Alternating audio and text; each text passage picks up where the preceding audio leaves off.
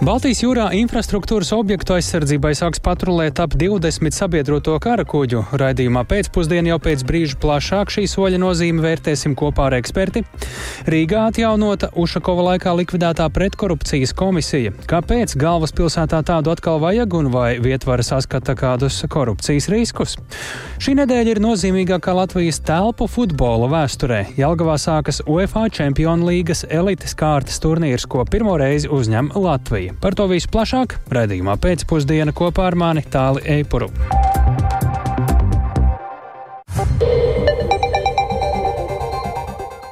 Pūkstens rāda 16,5 minūtes, skan pēcpusdienas ziņu programma, skaidrojot šodien svarīgus notikumus. Studijā tālāk Eipurs. Labdien! Ap 20 karakuģi uz Baltijas jūru decembra sākumā nosūtīs apvienotie reaģēšanas spēki, lai tā aizsargātu kritiski svarīgu infrastruktūru pēc gāzes caurļvadu noplūdēm. Andris Sprūts no progresīvajiem šādu desmit valstu iniciatīvu nosaucis par praktisku un simbolisku soli. Vairāk Jāņa Kīņš ierakstā. Apvienotajos rēģēšanas spēkos darbojas desmit valstis rūpēs par drošību Ziemeļeiropā. Šo sadarbības formu pēc Lielbritānijas iniciatīvas izveidoja 2015. gadā. Tajā darbojas arī Dānija, Zviedrija, Norvēģija, Somija, Latvija, Lietuva, Igaunija, kā arī Niderlanda un Islande. Valstu grupas izveidas laikā aizsardzības ministrs bija tagadējais Saimnes aizsardzības komisijas vadītājs Raimons Bergmans no apvienotā saraksta. Viņš uzsver kopīgu tehnikas un militāro apmācību lomu, kas ļauj ātri rīkoties dažādās reģiona drošības situācijās. Tas ir apliecinājums tam, ka tas bija pareizs eh, lēmums šādu formātu veidot apvienotiem spēkiem. Un viens no galvenajiem mērķiem arī bija iespēja pieņemt ātru lēmumu un reaģēt. Un es domāju, arī tas viss apmācības process un gatavošanās ir devis to rezultātu, ka droši vien pieņemt tik ātru lēmumu un arī var eh, iesaistīties. Ļoti labs eh, paraugs, kā rīkoties un, un, un mazināt riskus un pretstāvēt dažādiem izaicinājumiem. Arī pērnos ar apvienotie rēģēšanas spēki organizēja kopīgas mācības. Toreiz notika militārs vingrinājums Baltijas jūrā ar jūrniecības elementu, pretgaisa aizsardzības un praktiskās šaušanas treniņiem. Taču šoreiz ir pirmā reize, kad apvienotie rēģēšanas spēki kuģu patruļus organizēja izmantojot atbildes variantu vai no angļu valodas response option pēc kāda konkrēta notikuma. Šo soli lika spērt Somijas un Igaunijas gāzes vada Baltika konektora sabojāšana oktobra sākumā.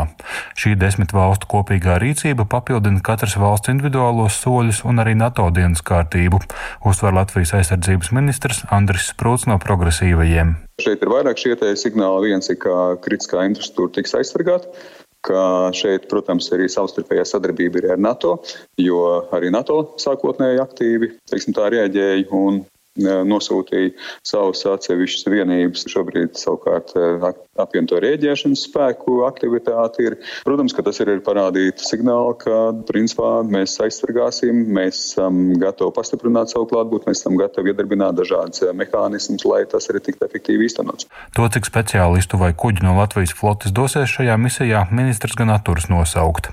Taču zināms, ka Baltijas jūrā un Atlantijas okeāna ziemeļos dosies kopumā ap 20 kara kuģu. Jānis Kincis, Latvijas Radio. Šobrīd pie redzījuma pēcpusdienu klausos Latvijas transatlantiskās organizācijas ģenerālsekretārs Sigīts Truberga. Labdien!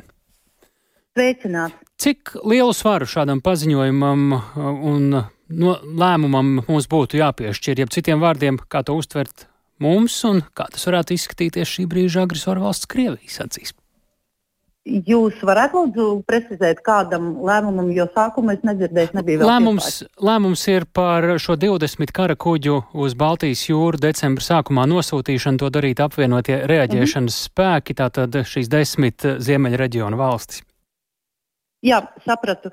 Tātad šis uh, ir tiešām tāds būtisks signāls uh, Krievijai, ka NATO ir gatava aizstāvēt uh, savu kritisko infrastruktūru.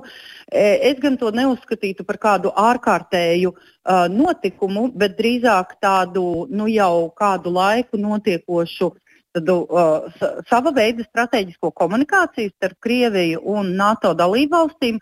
Un šajā uh, strateģiskās komunikācijas posmā uh, šāds solis ir uztverams kā tāds nopietns, svarīgs signāls, kas, kas, kas patiesībā daudz uh, svarīgi pasaka arī mums, kā sabiedrotajiem, par to, ka mēs varam justies droši ka m, arī citas dalībvalstis dosies mums palīdzīgā nepieciešamības gadījumā.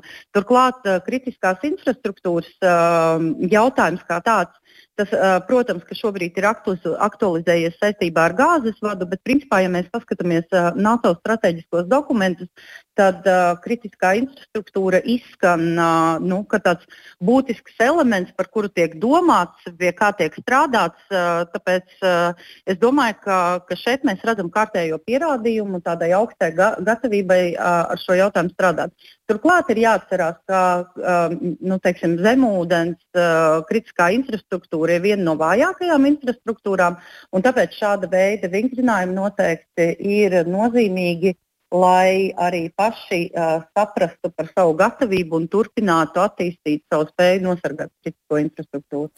Nu, viena saka, ka šī ir ātra reaģēšana, citi atkal redz, ka ir pagājuši jau divi mēneši kopš šiem gāzes vada bojājumiem, vai mēs to varam saukt par tādu operatīvu reakciju?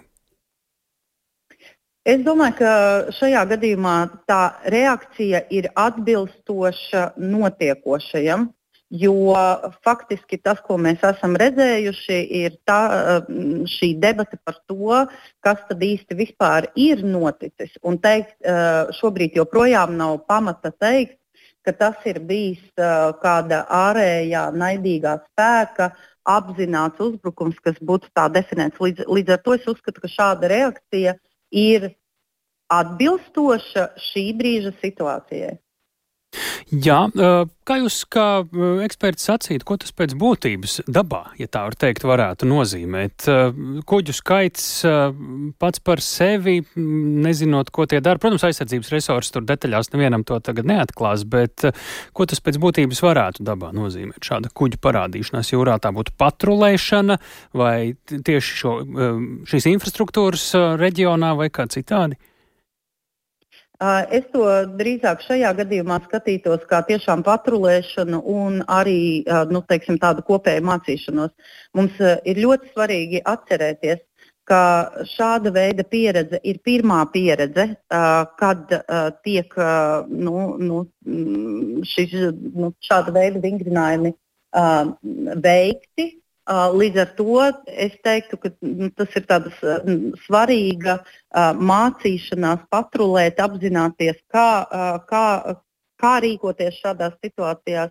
Um, tāpēc es to uztvertu kā tādu jā, nu, kā pozitīvu patrulēšanas lietu. Jā.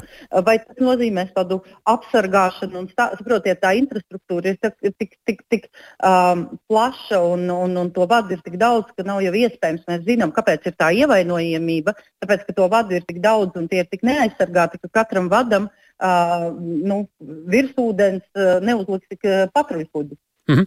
Vēl par vienu aktualitāti vēlējāmies jums vaicāt. Somija šobrīd ir slēgusi savu vienīgo vēl vaļā bijušo robežu punktu, to tur, kas bija tālajos ziemeļos, vēl palicis pēc uh, migrantu plūsmas uh, pastiprināšanās no Krievijas. Uh, Latvijai ar Krieviju joprojām darbojas divi robežu punkti, ar Baltkrieviju viens, un uh, mūsu amatpersonas saka, ka ir gatavas strauji reaģēt, ja kaut kas mainās. Kā jūs teikt, līdz kādam punktam šobrīd šī situācija ir nonākusi?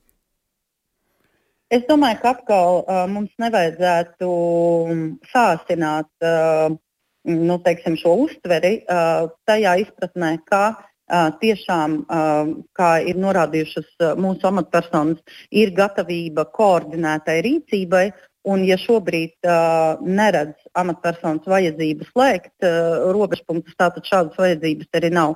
Atcerēsimies, ka mūsu, uh, nu, teiksim, tajā brīdī, kad bija nepieciešams uh, rīkoties, kad uh, uz mūsu robežām pieauga uh, šis migrācijas spiediens, uh, tad, tādā gadījumā tika arī veikti atbilstoši soļi. Uh, starp citu, um, vienlaikus uh, saņemot atbalstu no uh, partneriem, jā, un primāri no tuvajiem kaimiņiem. Šobrīd šāda um, nekavējoša rīcība nav uh, nepieciešama šī spiediena šobrīd uz mūsu robežām. Tāda nav, tāpēc arī tā rīcība ir atbilstoša. Sakām paldies Latvijas transatlantiskās organizācijas ģenerālsekretārei Sigitai Strūbergai. Tikmēr par gāzes infrastruktūru uz sauszemes, tepat pie mums Latvijā, mums visticamāk no jaunā gada būs jāmaksā dārgāk. No jaunā gada tātad varētu augt izmaksas dabasgāzes lietotājiem. Dabasgāzes sadales sistēmas operators GASO ir iesniedzis jaunus sadales tarifus, un tie pieaugs atkarībā no patēriņa apjoma un veida. Šobrīd varam secināt, ka 79% dabasgāzes eh, plīts lietotāju ikmēneša maksājums varētu pieaugt vidēji par 1,45 eiro centiem bez PVN. Savukārt apkuras lietotājiem ar vidējo ikmēneša patēriņu 2500 kWh apkuras sezonā mēneša vidējais maksājuma pieaugums varētu būt par apmēram 9,5 eiro bez PVN.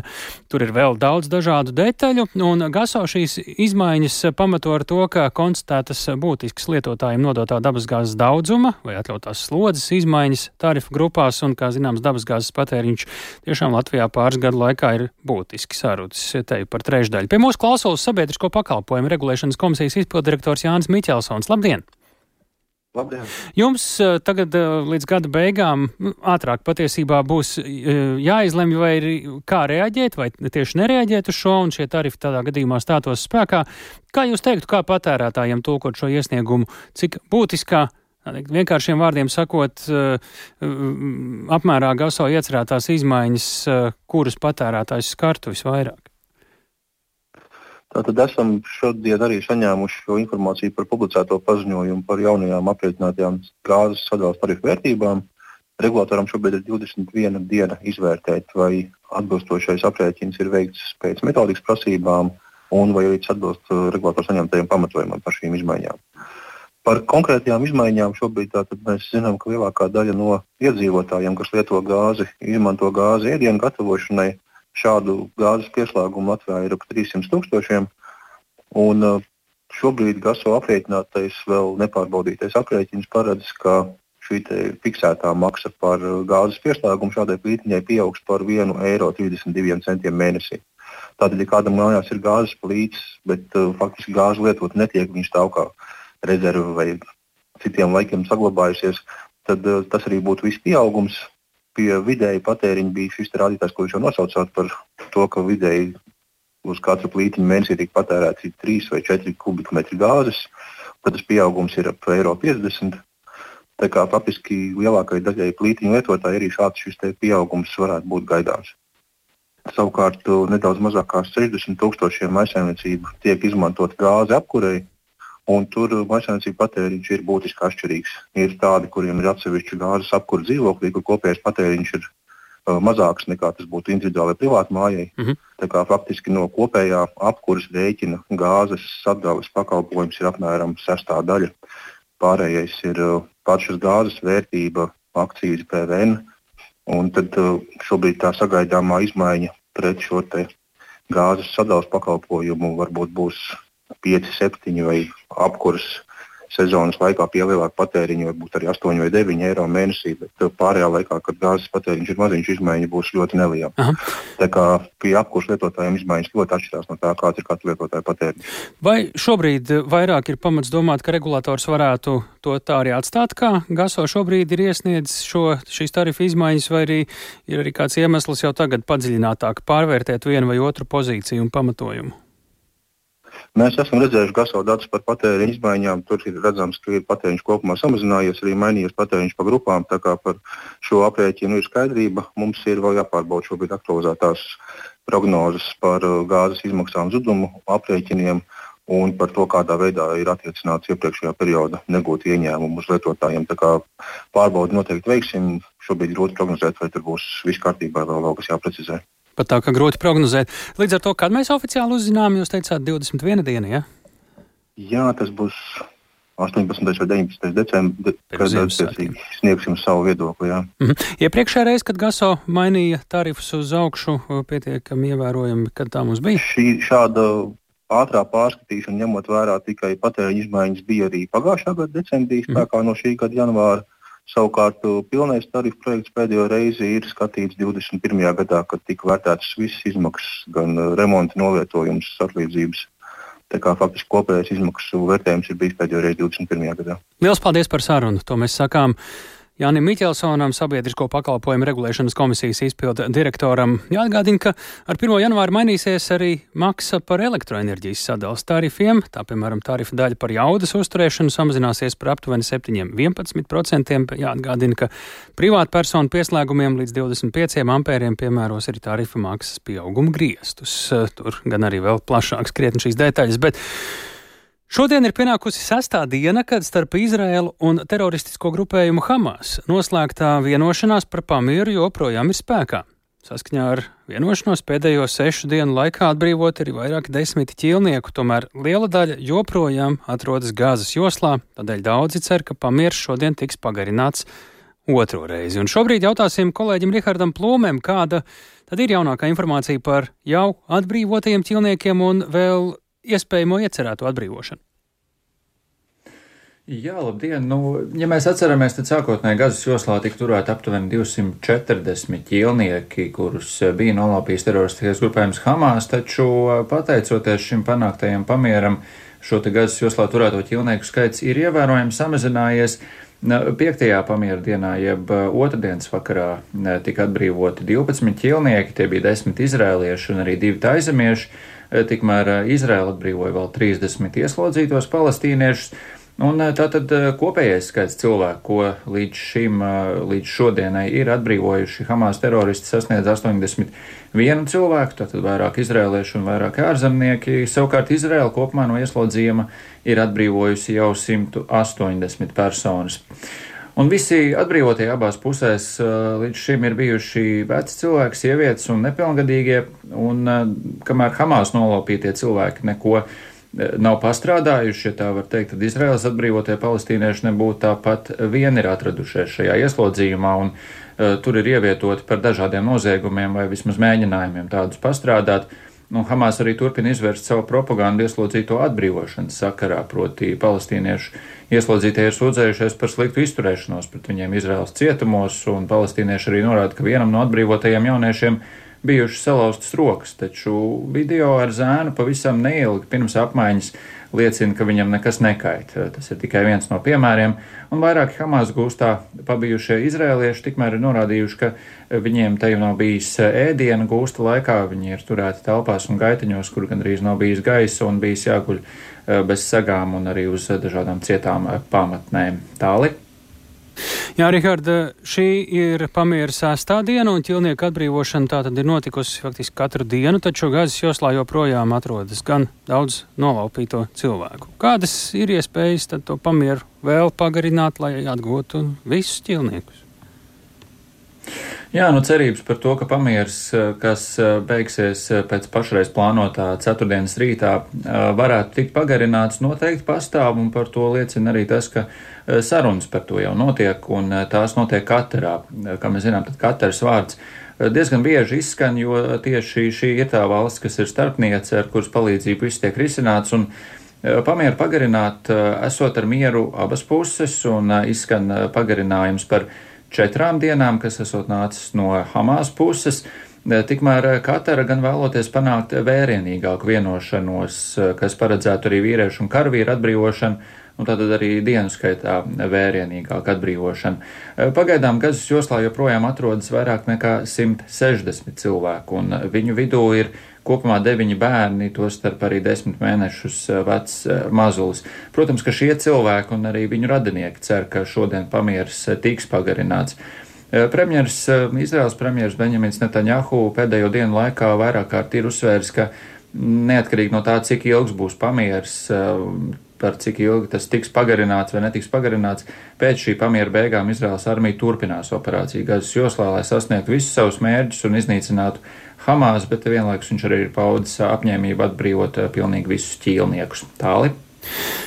Uz pēc iespējas eh, garāku pamieru noteikti cer arī Gazas joslas uh, civiliedzīvotāji, taču, nu, protams, ka humanitārā situācija tur joprojām arī pamiera laikā ir ļoti smaga.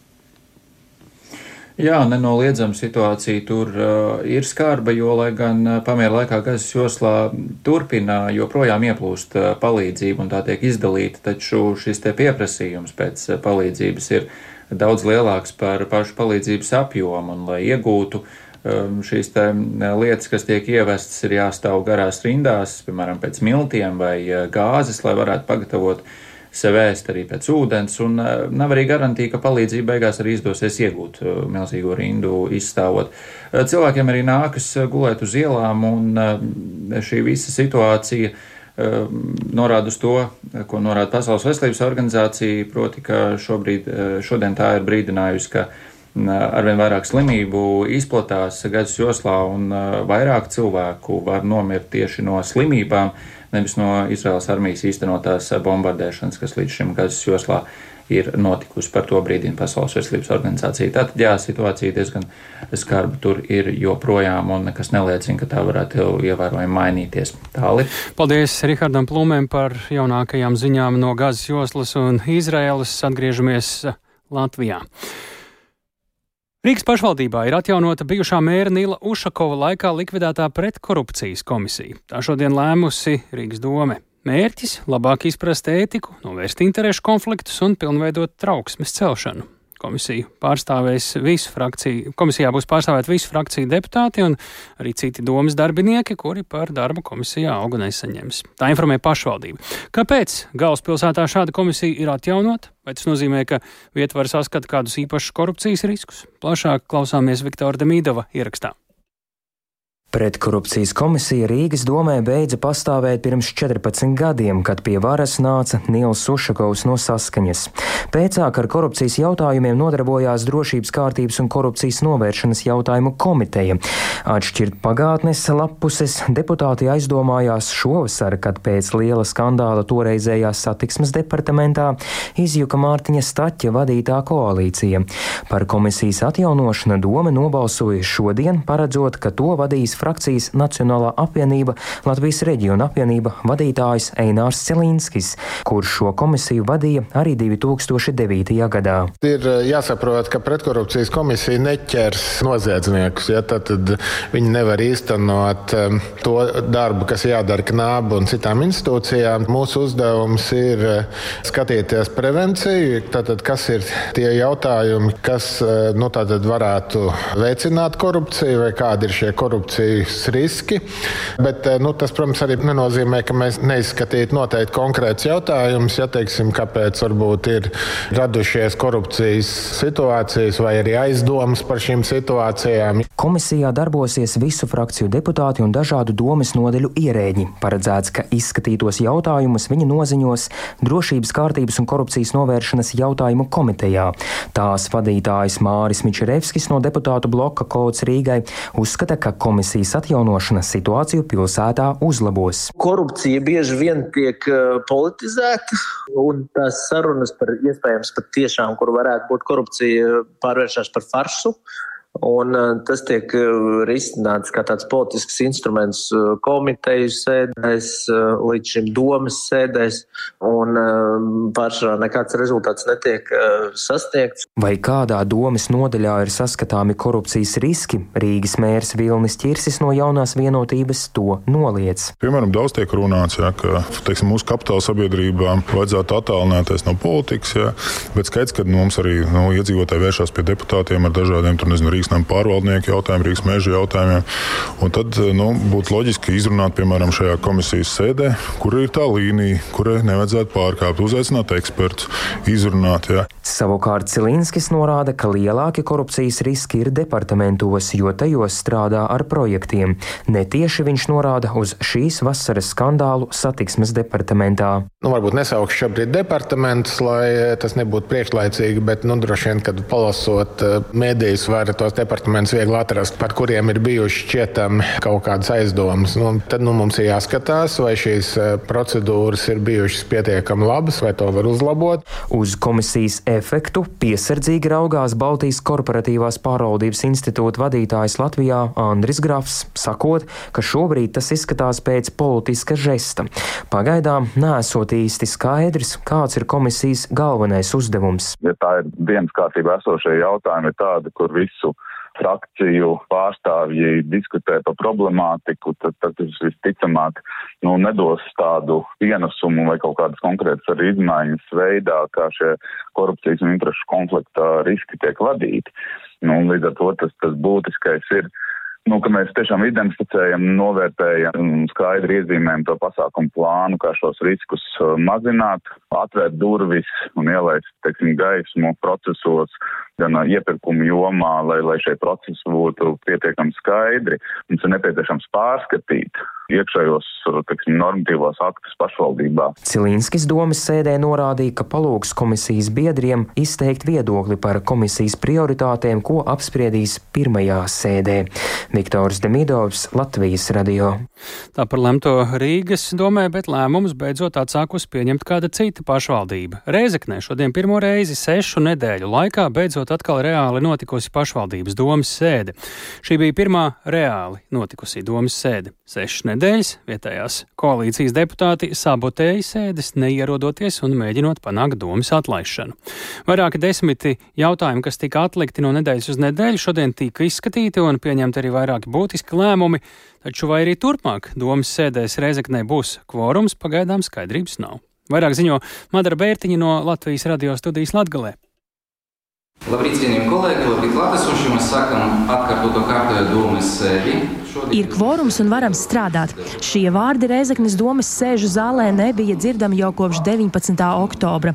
Pēc trim opozīcijas deputātu sabotētām, līdz ar to kvoruma trūkuma dēļ nenotikušām sēdēm, šodien uz domas sēdi bija ieradušies 12 no 13 vietvaras deputātiem, lai skatītu 28 iekrātos jautājumus. Nesvarīgu lēmumu mums nav. Visi lēmumi droši vien ir svarīgi, bet galvenais, kas skar administrāciju, protams, tas ir budžeta grozījumi, pedagoģa atalgojuma izmaiņas, arī cenu rādīs, kas skar sociālo pārvaldi. Bet, protams, pārējie arī svarīgi, ka tiek lēmumi bija pie, pieņemti šodien. Būtiskākos šodien pieņemtos lēmumus uzskaitīja Rēzeknes domas priekšsēdētāja vietnieks un mēra pienākumu izpildītājs Aleksējs Stečs no partijas kopā Latvijai. Plašas diskusijas raisīja arī citi jautājumi. Opozīcijas deputāts Jānis Zeltiņš no partijas progresīvie vērtē, ka domas darbs ir atgriezies ierastajā kārtībā. Man ir prieks, ka šodien ledus ir izkustējies, ir process aizgājis un nu, būsim reāli. Valsts vienmēr būs noteicē, kas notiek. Personīgi domāju, ka tāds būs arī turpinājums, un ka es, mēs atgriezīsimies vecajās sliedēs, jo riski pazaudēt varu ir pārāk lieli, un to nevēlas neviens. Līdzinējās sēdes nenotika, jo valdošā partija kopā Latvijai bija apņēmusies panākt domas atlaišanu un jaunas ārkārtas vēlēšanas pašvaldībā. Jo, kā paredz likums, pēc trim nenotikušām domas sēdēm saima var atlaist vietvaru. Bet jums bija šis TikTok ieraksts, kur jūs teicāt, ka vispār nenāksiet, bet šeit jūs esat. Es nezinu, es neceros, ka par kādu TikTok ierakstu jūs runājat. Nu, iespējams, arī, arī to, to te teicu. Un es neizslēdzu, ka uh, nebūs uh, atkārtošanas tas situācijā. Komentēja atstādinātais Reizeknas mērs Aleksandrs Bartaševičs no partijas kopā Latvijai, konkrēti gan neprecizējot, vai domas vairākums arī turpmāk plāno ierasties uz sēdēm. Nu, es nevaru teikt, ja, teikt jo es esmu tikai viens deputāts no 13. Bet jūs esat arī partijas vadītājs. Esmu partijas vadītājs, protams. Jā, mums ir uh, mērķi noteikti, jā, kurus mēs uh, sekojam, kuriem. Un, un es domāju, ka nu, mēs šos mērķus arī realizēsim. Vai jūsu vai šo lēmumu ietekmēs rītdienas saimas pieņemtie grozījumi? Nedomāju. Visdrīzāk to var ietekmēt uh, finanšu ministrijas rīcība. Uh, nu, kā viņi tomēr pildīs savus pienākumus attiecībā uz Rēzekni. Bartaševičs arī pastāstīja, ka iepazinies ar varam rīkojumu par viņa atstādināšanu un pieņēmis lēmumu par savu atbildi. Es nedēļas beigās iesniegšu pieteikumu tiesai, lai apstrīdētu savu atlaišanu vai, vai atstādināšanu no amata. Ja. Tur viennozīmīgi var konstatēt, ka Tur pamatojuma manai aicināšanai nebija un nav. Bet vienīgi tikai viena politiska spēka vēlme atstādināt. Tikmēr jau rīt saima otrajā galīgajā lasījumā izskatīs grozījumus divos likumos. Plānots, ka turpmāk pašvaldības deputāta pilnvaras varēs anulēt Centrālā vēlēšanu komisija, ja attiecīgais deputāts trīs mēnešu laikā bez attaisnojoša iemesla nebūs apmeklējis vairāk nekā pusi no domas sēdēm. Savukārt pašvaldību likumā paredzēts noteikt, ka domas sēdi varēs sasaukt pat piektdaļa deputātu, ja domas pilnais sastāvs kādu iemeslu dēļ nepildīs savus pienākumus. Madara Bērtiņa Latvijas radio studija Latgalē. Bet šobrīd, novembrī izskaņā, šis ir laiks, kad aktīvi izplatās dažādas elpceļu saslimšanas. Nekur nav pazudis arī Covid-19, un ar to slimo arī skolās. Lai arī situācija nav kritiska un mācību process notiek klātienē, dažviet pašvaldības sākušas piesardzības pasākumus. Piemēram, Jālgavas izglītības iestādēs izdalīti Covid-19 paštesti, kur jāveic mājās, kad ģimenē ir aizdomas par saslimšanu. Vairāk par situāciju Jālgavā un citās pašvaldībās stāsta Paula Dēvica. Jālgavas izglītības iestādēs pēdējās nedēļās skolēniem un darbiniekiem izdalīti Covid-19 paštesti. Pašlaik nav noteikts konkrēts algoritms, kad būtu jātestējas, taču skolēnus un pedagogus mudina pārbaudīties, kad ir aizdomas par saslimšanu vai kontaktu ar saslimušo. Jālgavas skolās ir 7,5 tūkstoši skolēnu, no kuriem pēdējo divu nedēļu laikā saslimšana atklāta 97 bērniem. Izglītības pārvaldes direktore Gunta Auza stāsta, stāsta, ka pedagoģu starpā ir 54 saslimušie. Pavērojot to situāciju un izrunājot ar izglītības iestāžu vadītājiem, ka mēs konstatējām, ka mūsu iestādēs vai no akūtas respiratorās saslimšanas, vai no iespējams varbūt arī covid izplatība sākusies, mēs eh, pārunājot ar iestāžu vadītājiem, uzsākām un arī teicām, ja nepieciešams, izmantojiet tos testus, kas mums ir, ir pieejami izglītības iestādēs. Un testējam tos gadījumus, kad um, ģimene vai bērns uzskata, ka vajag izdarīt to testu, lai to slimību nepārnēsātu. Jelgavā vairākas skolas ir samērā lielas. Tajās ir ap 1200 skolēnu. Līdz ar to ikdienā gan pedagogiem, gan bērniem ir ļoti daudz kontaktu. Slimības izplatās, tomēr pašlaik mācības notiek klātienē.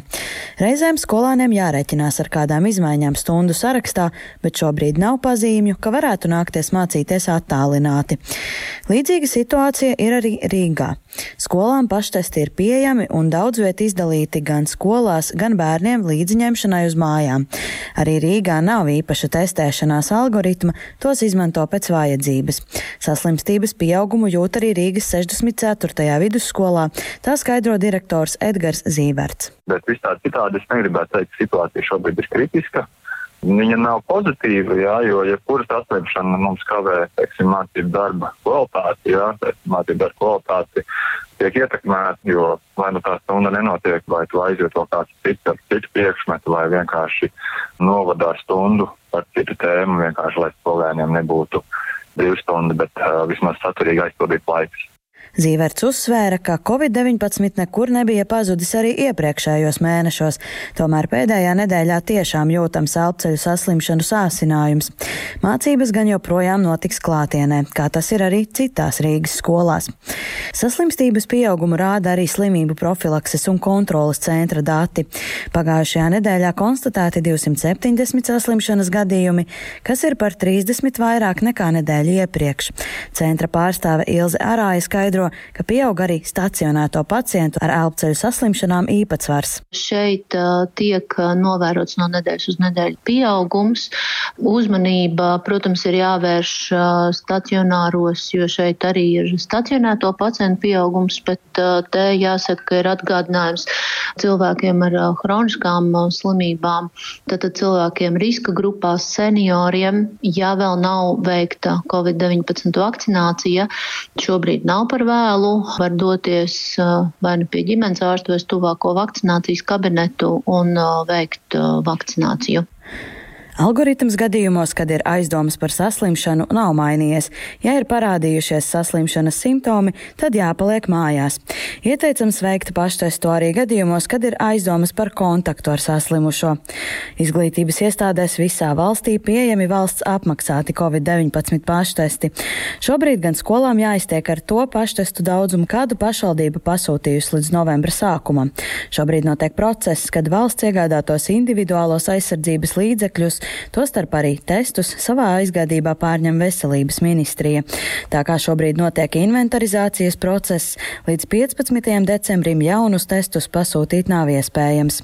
Ministrijā gan ziņo, ka nav indikāciju, ka testu šobrīd trūkst. Paula Dēvica, Latvijas radio.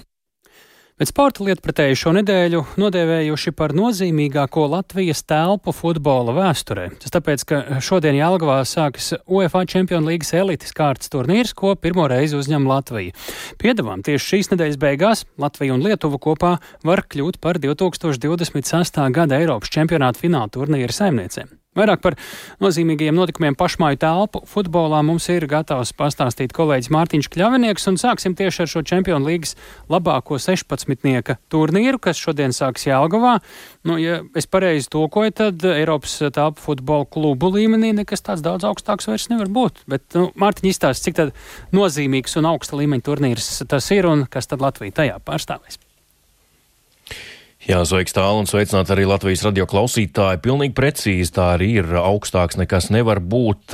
Latvijas klubi šajā līmenī, tātad labāko 16. kā iepriekš, ir bijuši spēlējuši nereiz vien, bet pie sevis savās mājās gan nav rīkojuši uzņēmuši šo turnīru. Tātad, jā, tas būtībā ir 16 labāko Eiropas šī brīža futbola čempionu vienību tāds daļais sabraukums, jo Jelgavā sabrauc četras komandas kopā. Viena no tām ir Latvijas čempionu vienība Riga, un tad vēl trīs citu valstu komandas un čempionis. Nu, ja mēs mm, atceramies telpu futbolu, kāds tas Latvijā ir bijis gadu gaitā, tad iespējams, ka daudzi, kur tam seko līdzi jau vairākus gadus, zina tādus komandu nosaukumus kā Raba, Nikars, Petrov. Nu, pēdējo pāris gadu laikā šīs labi zināmās komandas pārņēmušas klasiskā futbola vislīgas vienības. Tātad kādreizējais Nikars tagad ir RFS, viena no spēcīgākajām futbola komandām divām tālu futbola komandām Latvijā. Otrs, kādreizējais Petrov, ir Riga, un Riga tā tad ir arī čempionu vienība un spēlēs šajā te tātad elites kārtā čempionu līgā telpu futbolā Jelgavā. Ko tad varam teikt par mūsu čempionu vienības izredzēm? Mēs tur esam tāpēc, ka esam mājnieki vai tāpēc, ka esam izcīnījuši spēcīgos turnīros, lai tiktu šajā top 16. Tāpēc, ka, ja esam izcīnījuši, jā, tur bija arī priekš tādas kvalifikācijas kārtas, un tām visām Rīga izgāja cauri un tika līdz šai tā sauktie elites kārtai. Tas tātad ir, kā jau minēju, 16. un tas lielais mērķis, protams, Rīga komandai gan tikai nākamajās sezonās izvirzīts oficiāli ir iekļūt fināla četrniekā, kur tad četras labākās komandas noskaidro čempionu fināla turnīrā, bet arī elites kārta ir labs sasniegums jau tagad, un tas tiek, jā, tātad vērtēts kā pietiekami augsts, un ja par pretiniekiem, kas um, vēl tātad šajā te um, konkrētajā uh, turnīrā spēlē. Ja par izredzēm mēs sākam vētīt to visu, tad arī jāpiemina pretinieki. Tātad Barcelonas komanda, noteikti visiem futbolā zināma, un uh, tātad arī viena no šīs te Barcelonas komandas tāda atzara vienībām dažādos sporta veidos ir arī tālpu futbola komanda. Itālijas čempioni Citijā Dieboli arī spēlēs Jelgavā un Francijas čempionu vienību no Lavāls pilsētas. Par favorītiem uzskata spāņus, par pastrīšiem itāļus. Sports gan ir skaists tāpēc, ka ir neparedzams. Proti, ne, nereāli arī mainiekiem, rīdziniekiem nav pirmā vieta grupā, bet nu, tomēr uh, lietpratēji prognozē, ka varētu reālāk būt otrā vieta grupā, tomēr beig beigās. Skan jau labi Francijas, Spānijas, Itālijas čempioni šeit pat Jālgavā. Ko šāds turnīrs varētu dot uh, šeit Latvijā? Var būt tāds jauns uzrāviens mūsu vietējā telpu futbola attīstībā. Jā, es domāju, noteikti, jo Jālgavā klātienē varēs vērot daudzu izlašu līderus, kā arī tagadējos un kādreizējos pasaules labākos šajā sporta veidā. Rīgas sastāvā ir Portugāles Rikardinju, kurš vēl nesen bija neapšaubām labākais telpu futbolists visā pasaulē. Tagad par tādu uzskata tieši Barcelonas sastāvā esošo Ferrau. Viņš gan Jālgavā nespēlēs, viņš dziedē traumu, tāpēc nu, šo divu tādu izcilnieku sadursme laukumā nav gaidāma, bet vēl lielāku uzrāvienu nekā šīs nedēļas Čempionu līgas spēles varētu dot iespējamā 2026. gada Eiropas čempionāta fināla turnīra daļai noris Latvijā. Lēmumu pieņems sestdien Hamburgā, turklāt būs arī Latvijas Futbola federācijas prezidents Vladimirs Ļašenko. Latvija kandidē kopā ar Lietuvu šī turnīra rīkošanu konkurence ir Beļģija, Francija un Somija. Bet vairāk par Čempionu līgas spēlēm šonedēļ un Eiropas čempionāta fināla turnīru man pastāstīja futbola komentētājs Arkādijs Birjuks. Ieklausīsimies! Var teikt, ka mēs atgriežamies pie tā, kas bija precīzi pirms desmit gadiem, kad eh, bija Nikars un Rāba, kad eh, Portugāles izlases kapteinis Arnaldu spēlēja gan vienā, gan otrā komandā. Ja godīgi personīgi pārsteidz, tas skatos, ka uz uh, sestdienas spēli, kad Rīga spēlēs pret Barcelonu, visas biļetes jau nedēļu iepriekš tika izpirktas, bet, nu, protams, lielākais grūdienis būs jau nedēļas beigās, kad būs izvēlēs nākamā Eiropas čempionāta fināla turnīra mainieci, kurai mēs ar Lietuvu pretendējam, cik es zinu, tad mēs, mēs varētu iegūt tiesības atkal rīkoties sevis lielos telpu futbola svētkus, kā tas bija iepriekš ar U19 ar telpu futbola čempionu līgu. Jā, tālāk futbola komentētājs Arkādijs Birjuks par šiem notikumiem tālāk mhm. futbolā. Tāli. Nu, tad vēlreiz īsumā atgādini, ar ko tad un pret ko un kad Rīgai būs jāspēlē īsi. Jā, Barcelona no Spānijas, Itālijas čempionu vienība Citijā di Eboli un Francijas čempionu, čempionu vienība no Lavāls pilsētas. Jau šovakar septiņos Rīga pret francūžiem, rīt jātieks ar Itālijas klubu sestdien pret titulēto Barsu. Fināla četrniekā un jāuzsver tiks tikai grupas uzvarētājs, tātad labākā no četrām komandām. Paldies Mārtiņam Kļavniekam, tik tālu par uh, futbolu un tik tālu raidījums pēcpusdienu to veidoja Tāls Eipurs, Ilza Aginta, arī Ulds Grīmbergs, Rīta Karnača. Mēs tiekamies rīt, kā vienmēr darbdienās pēc ziņām 4 un 5. Yeah.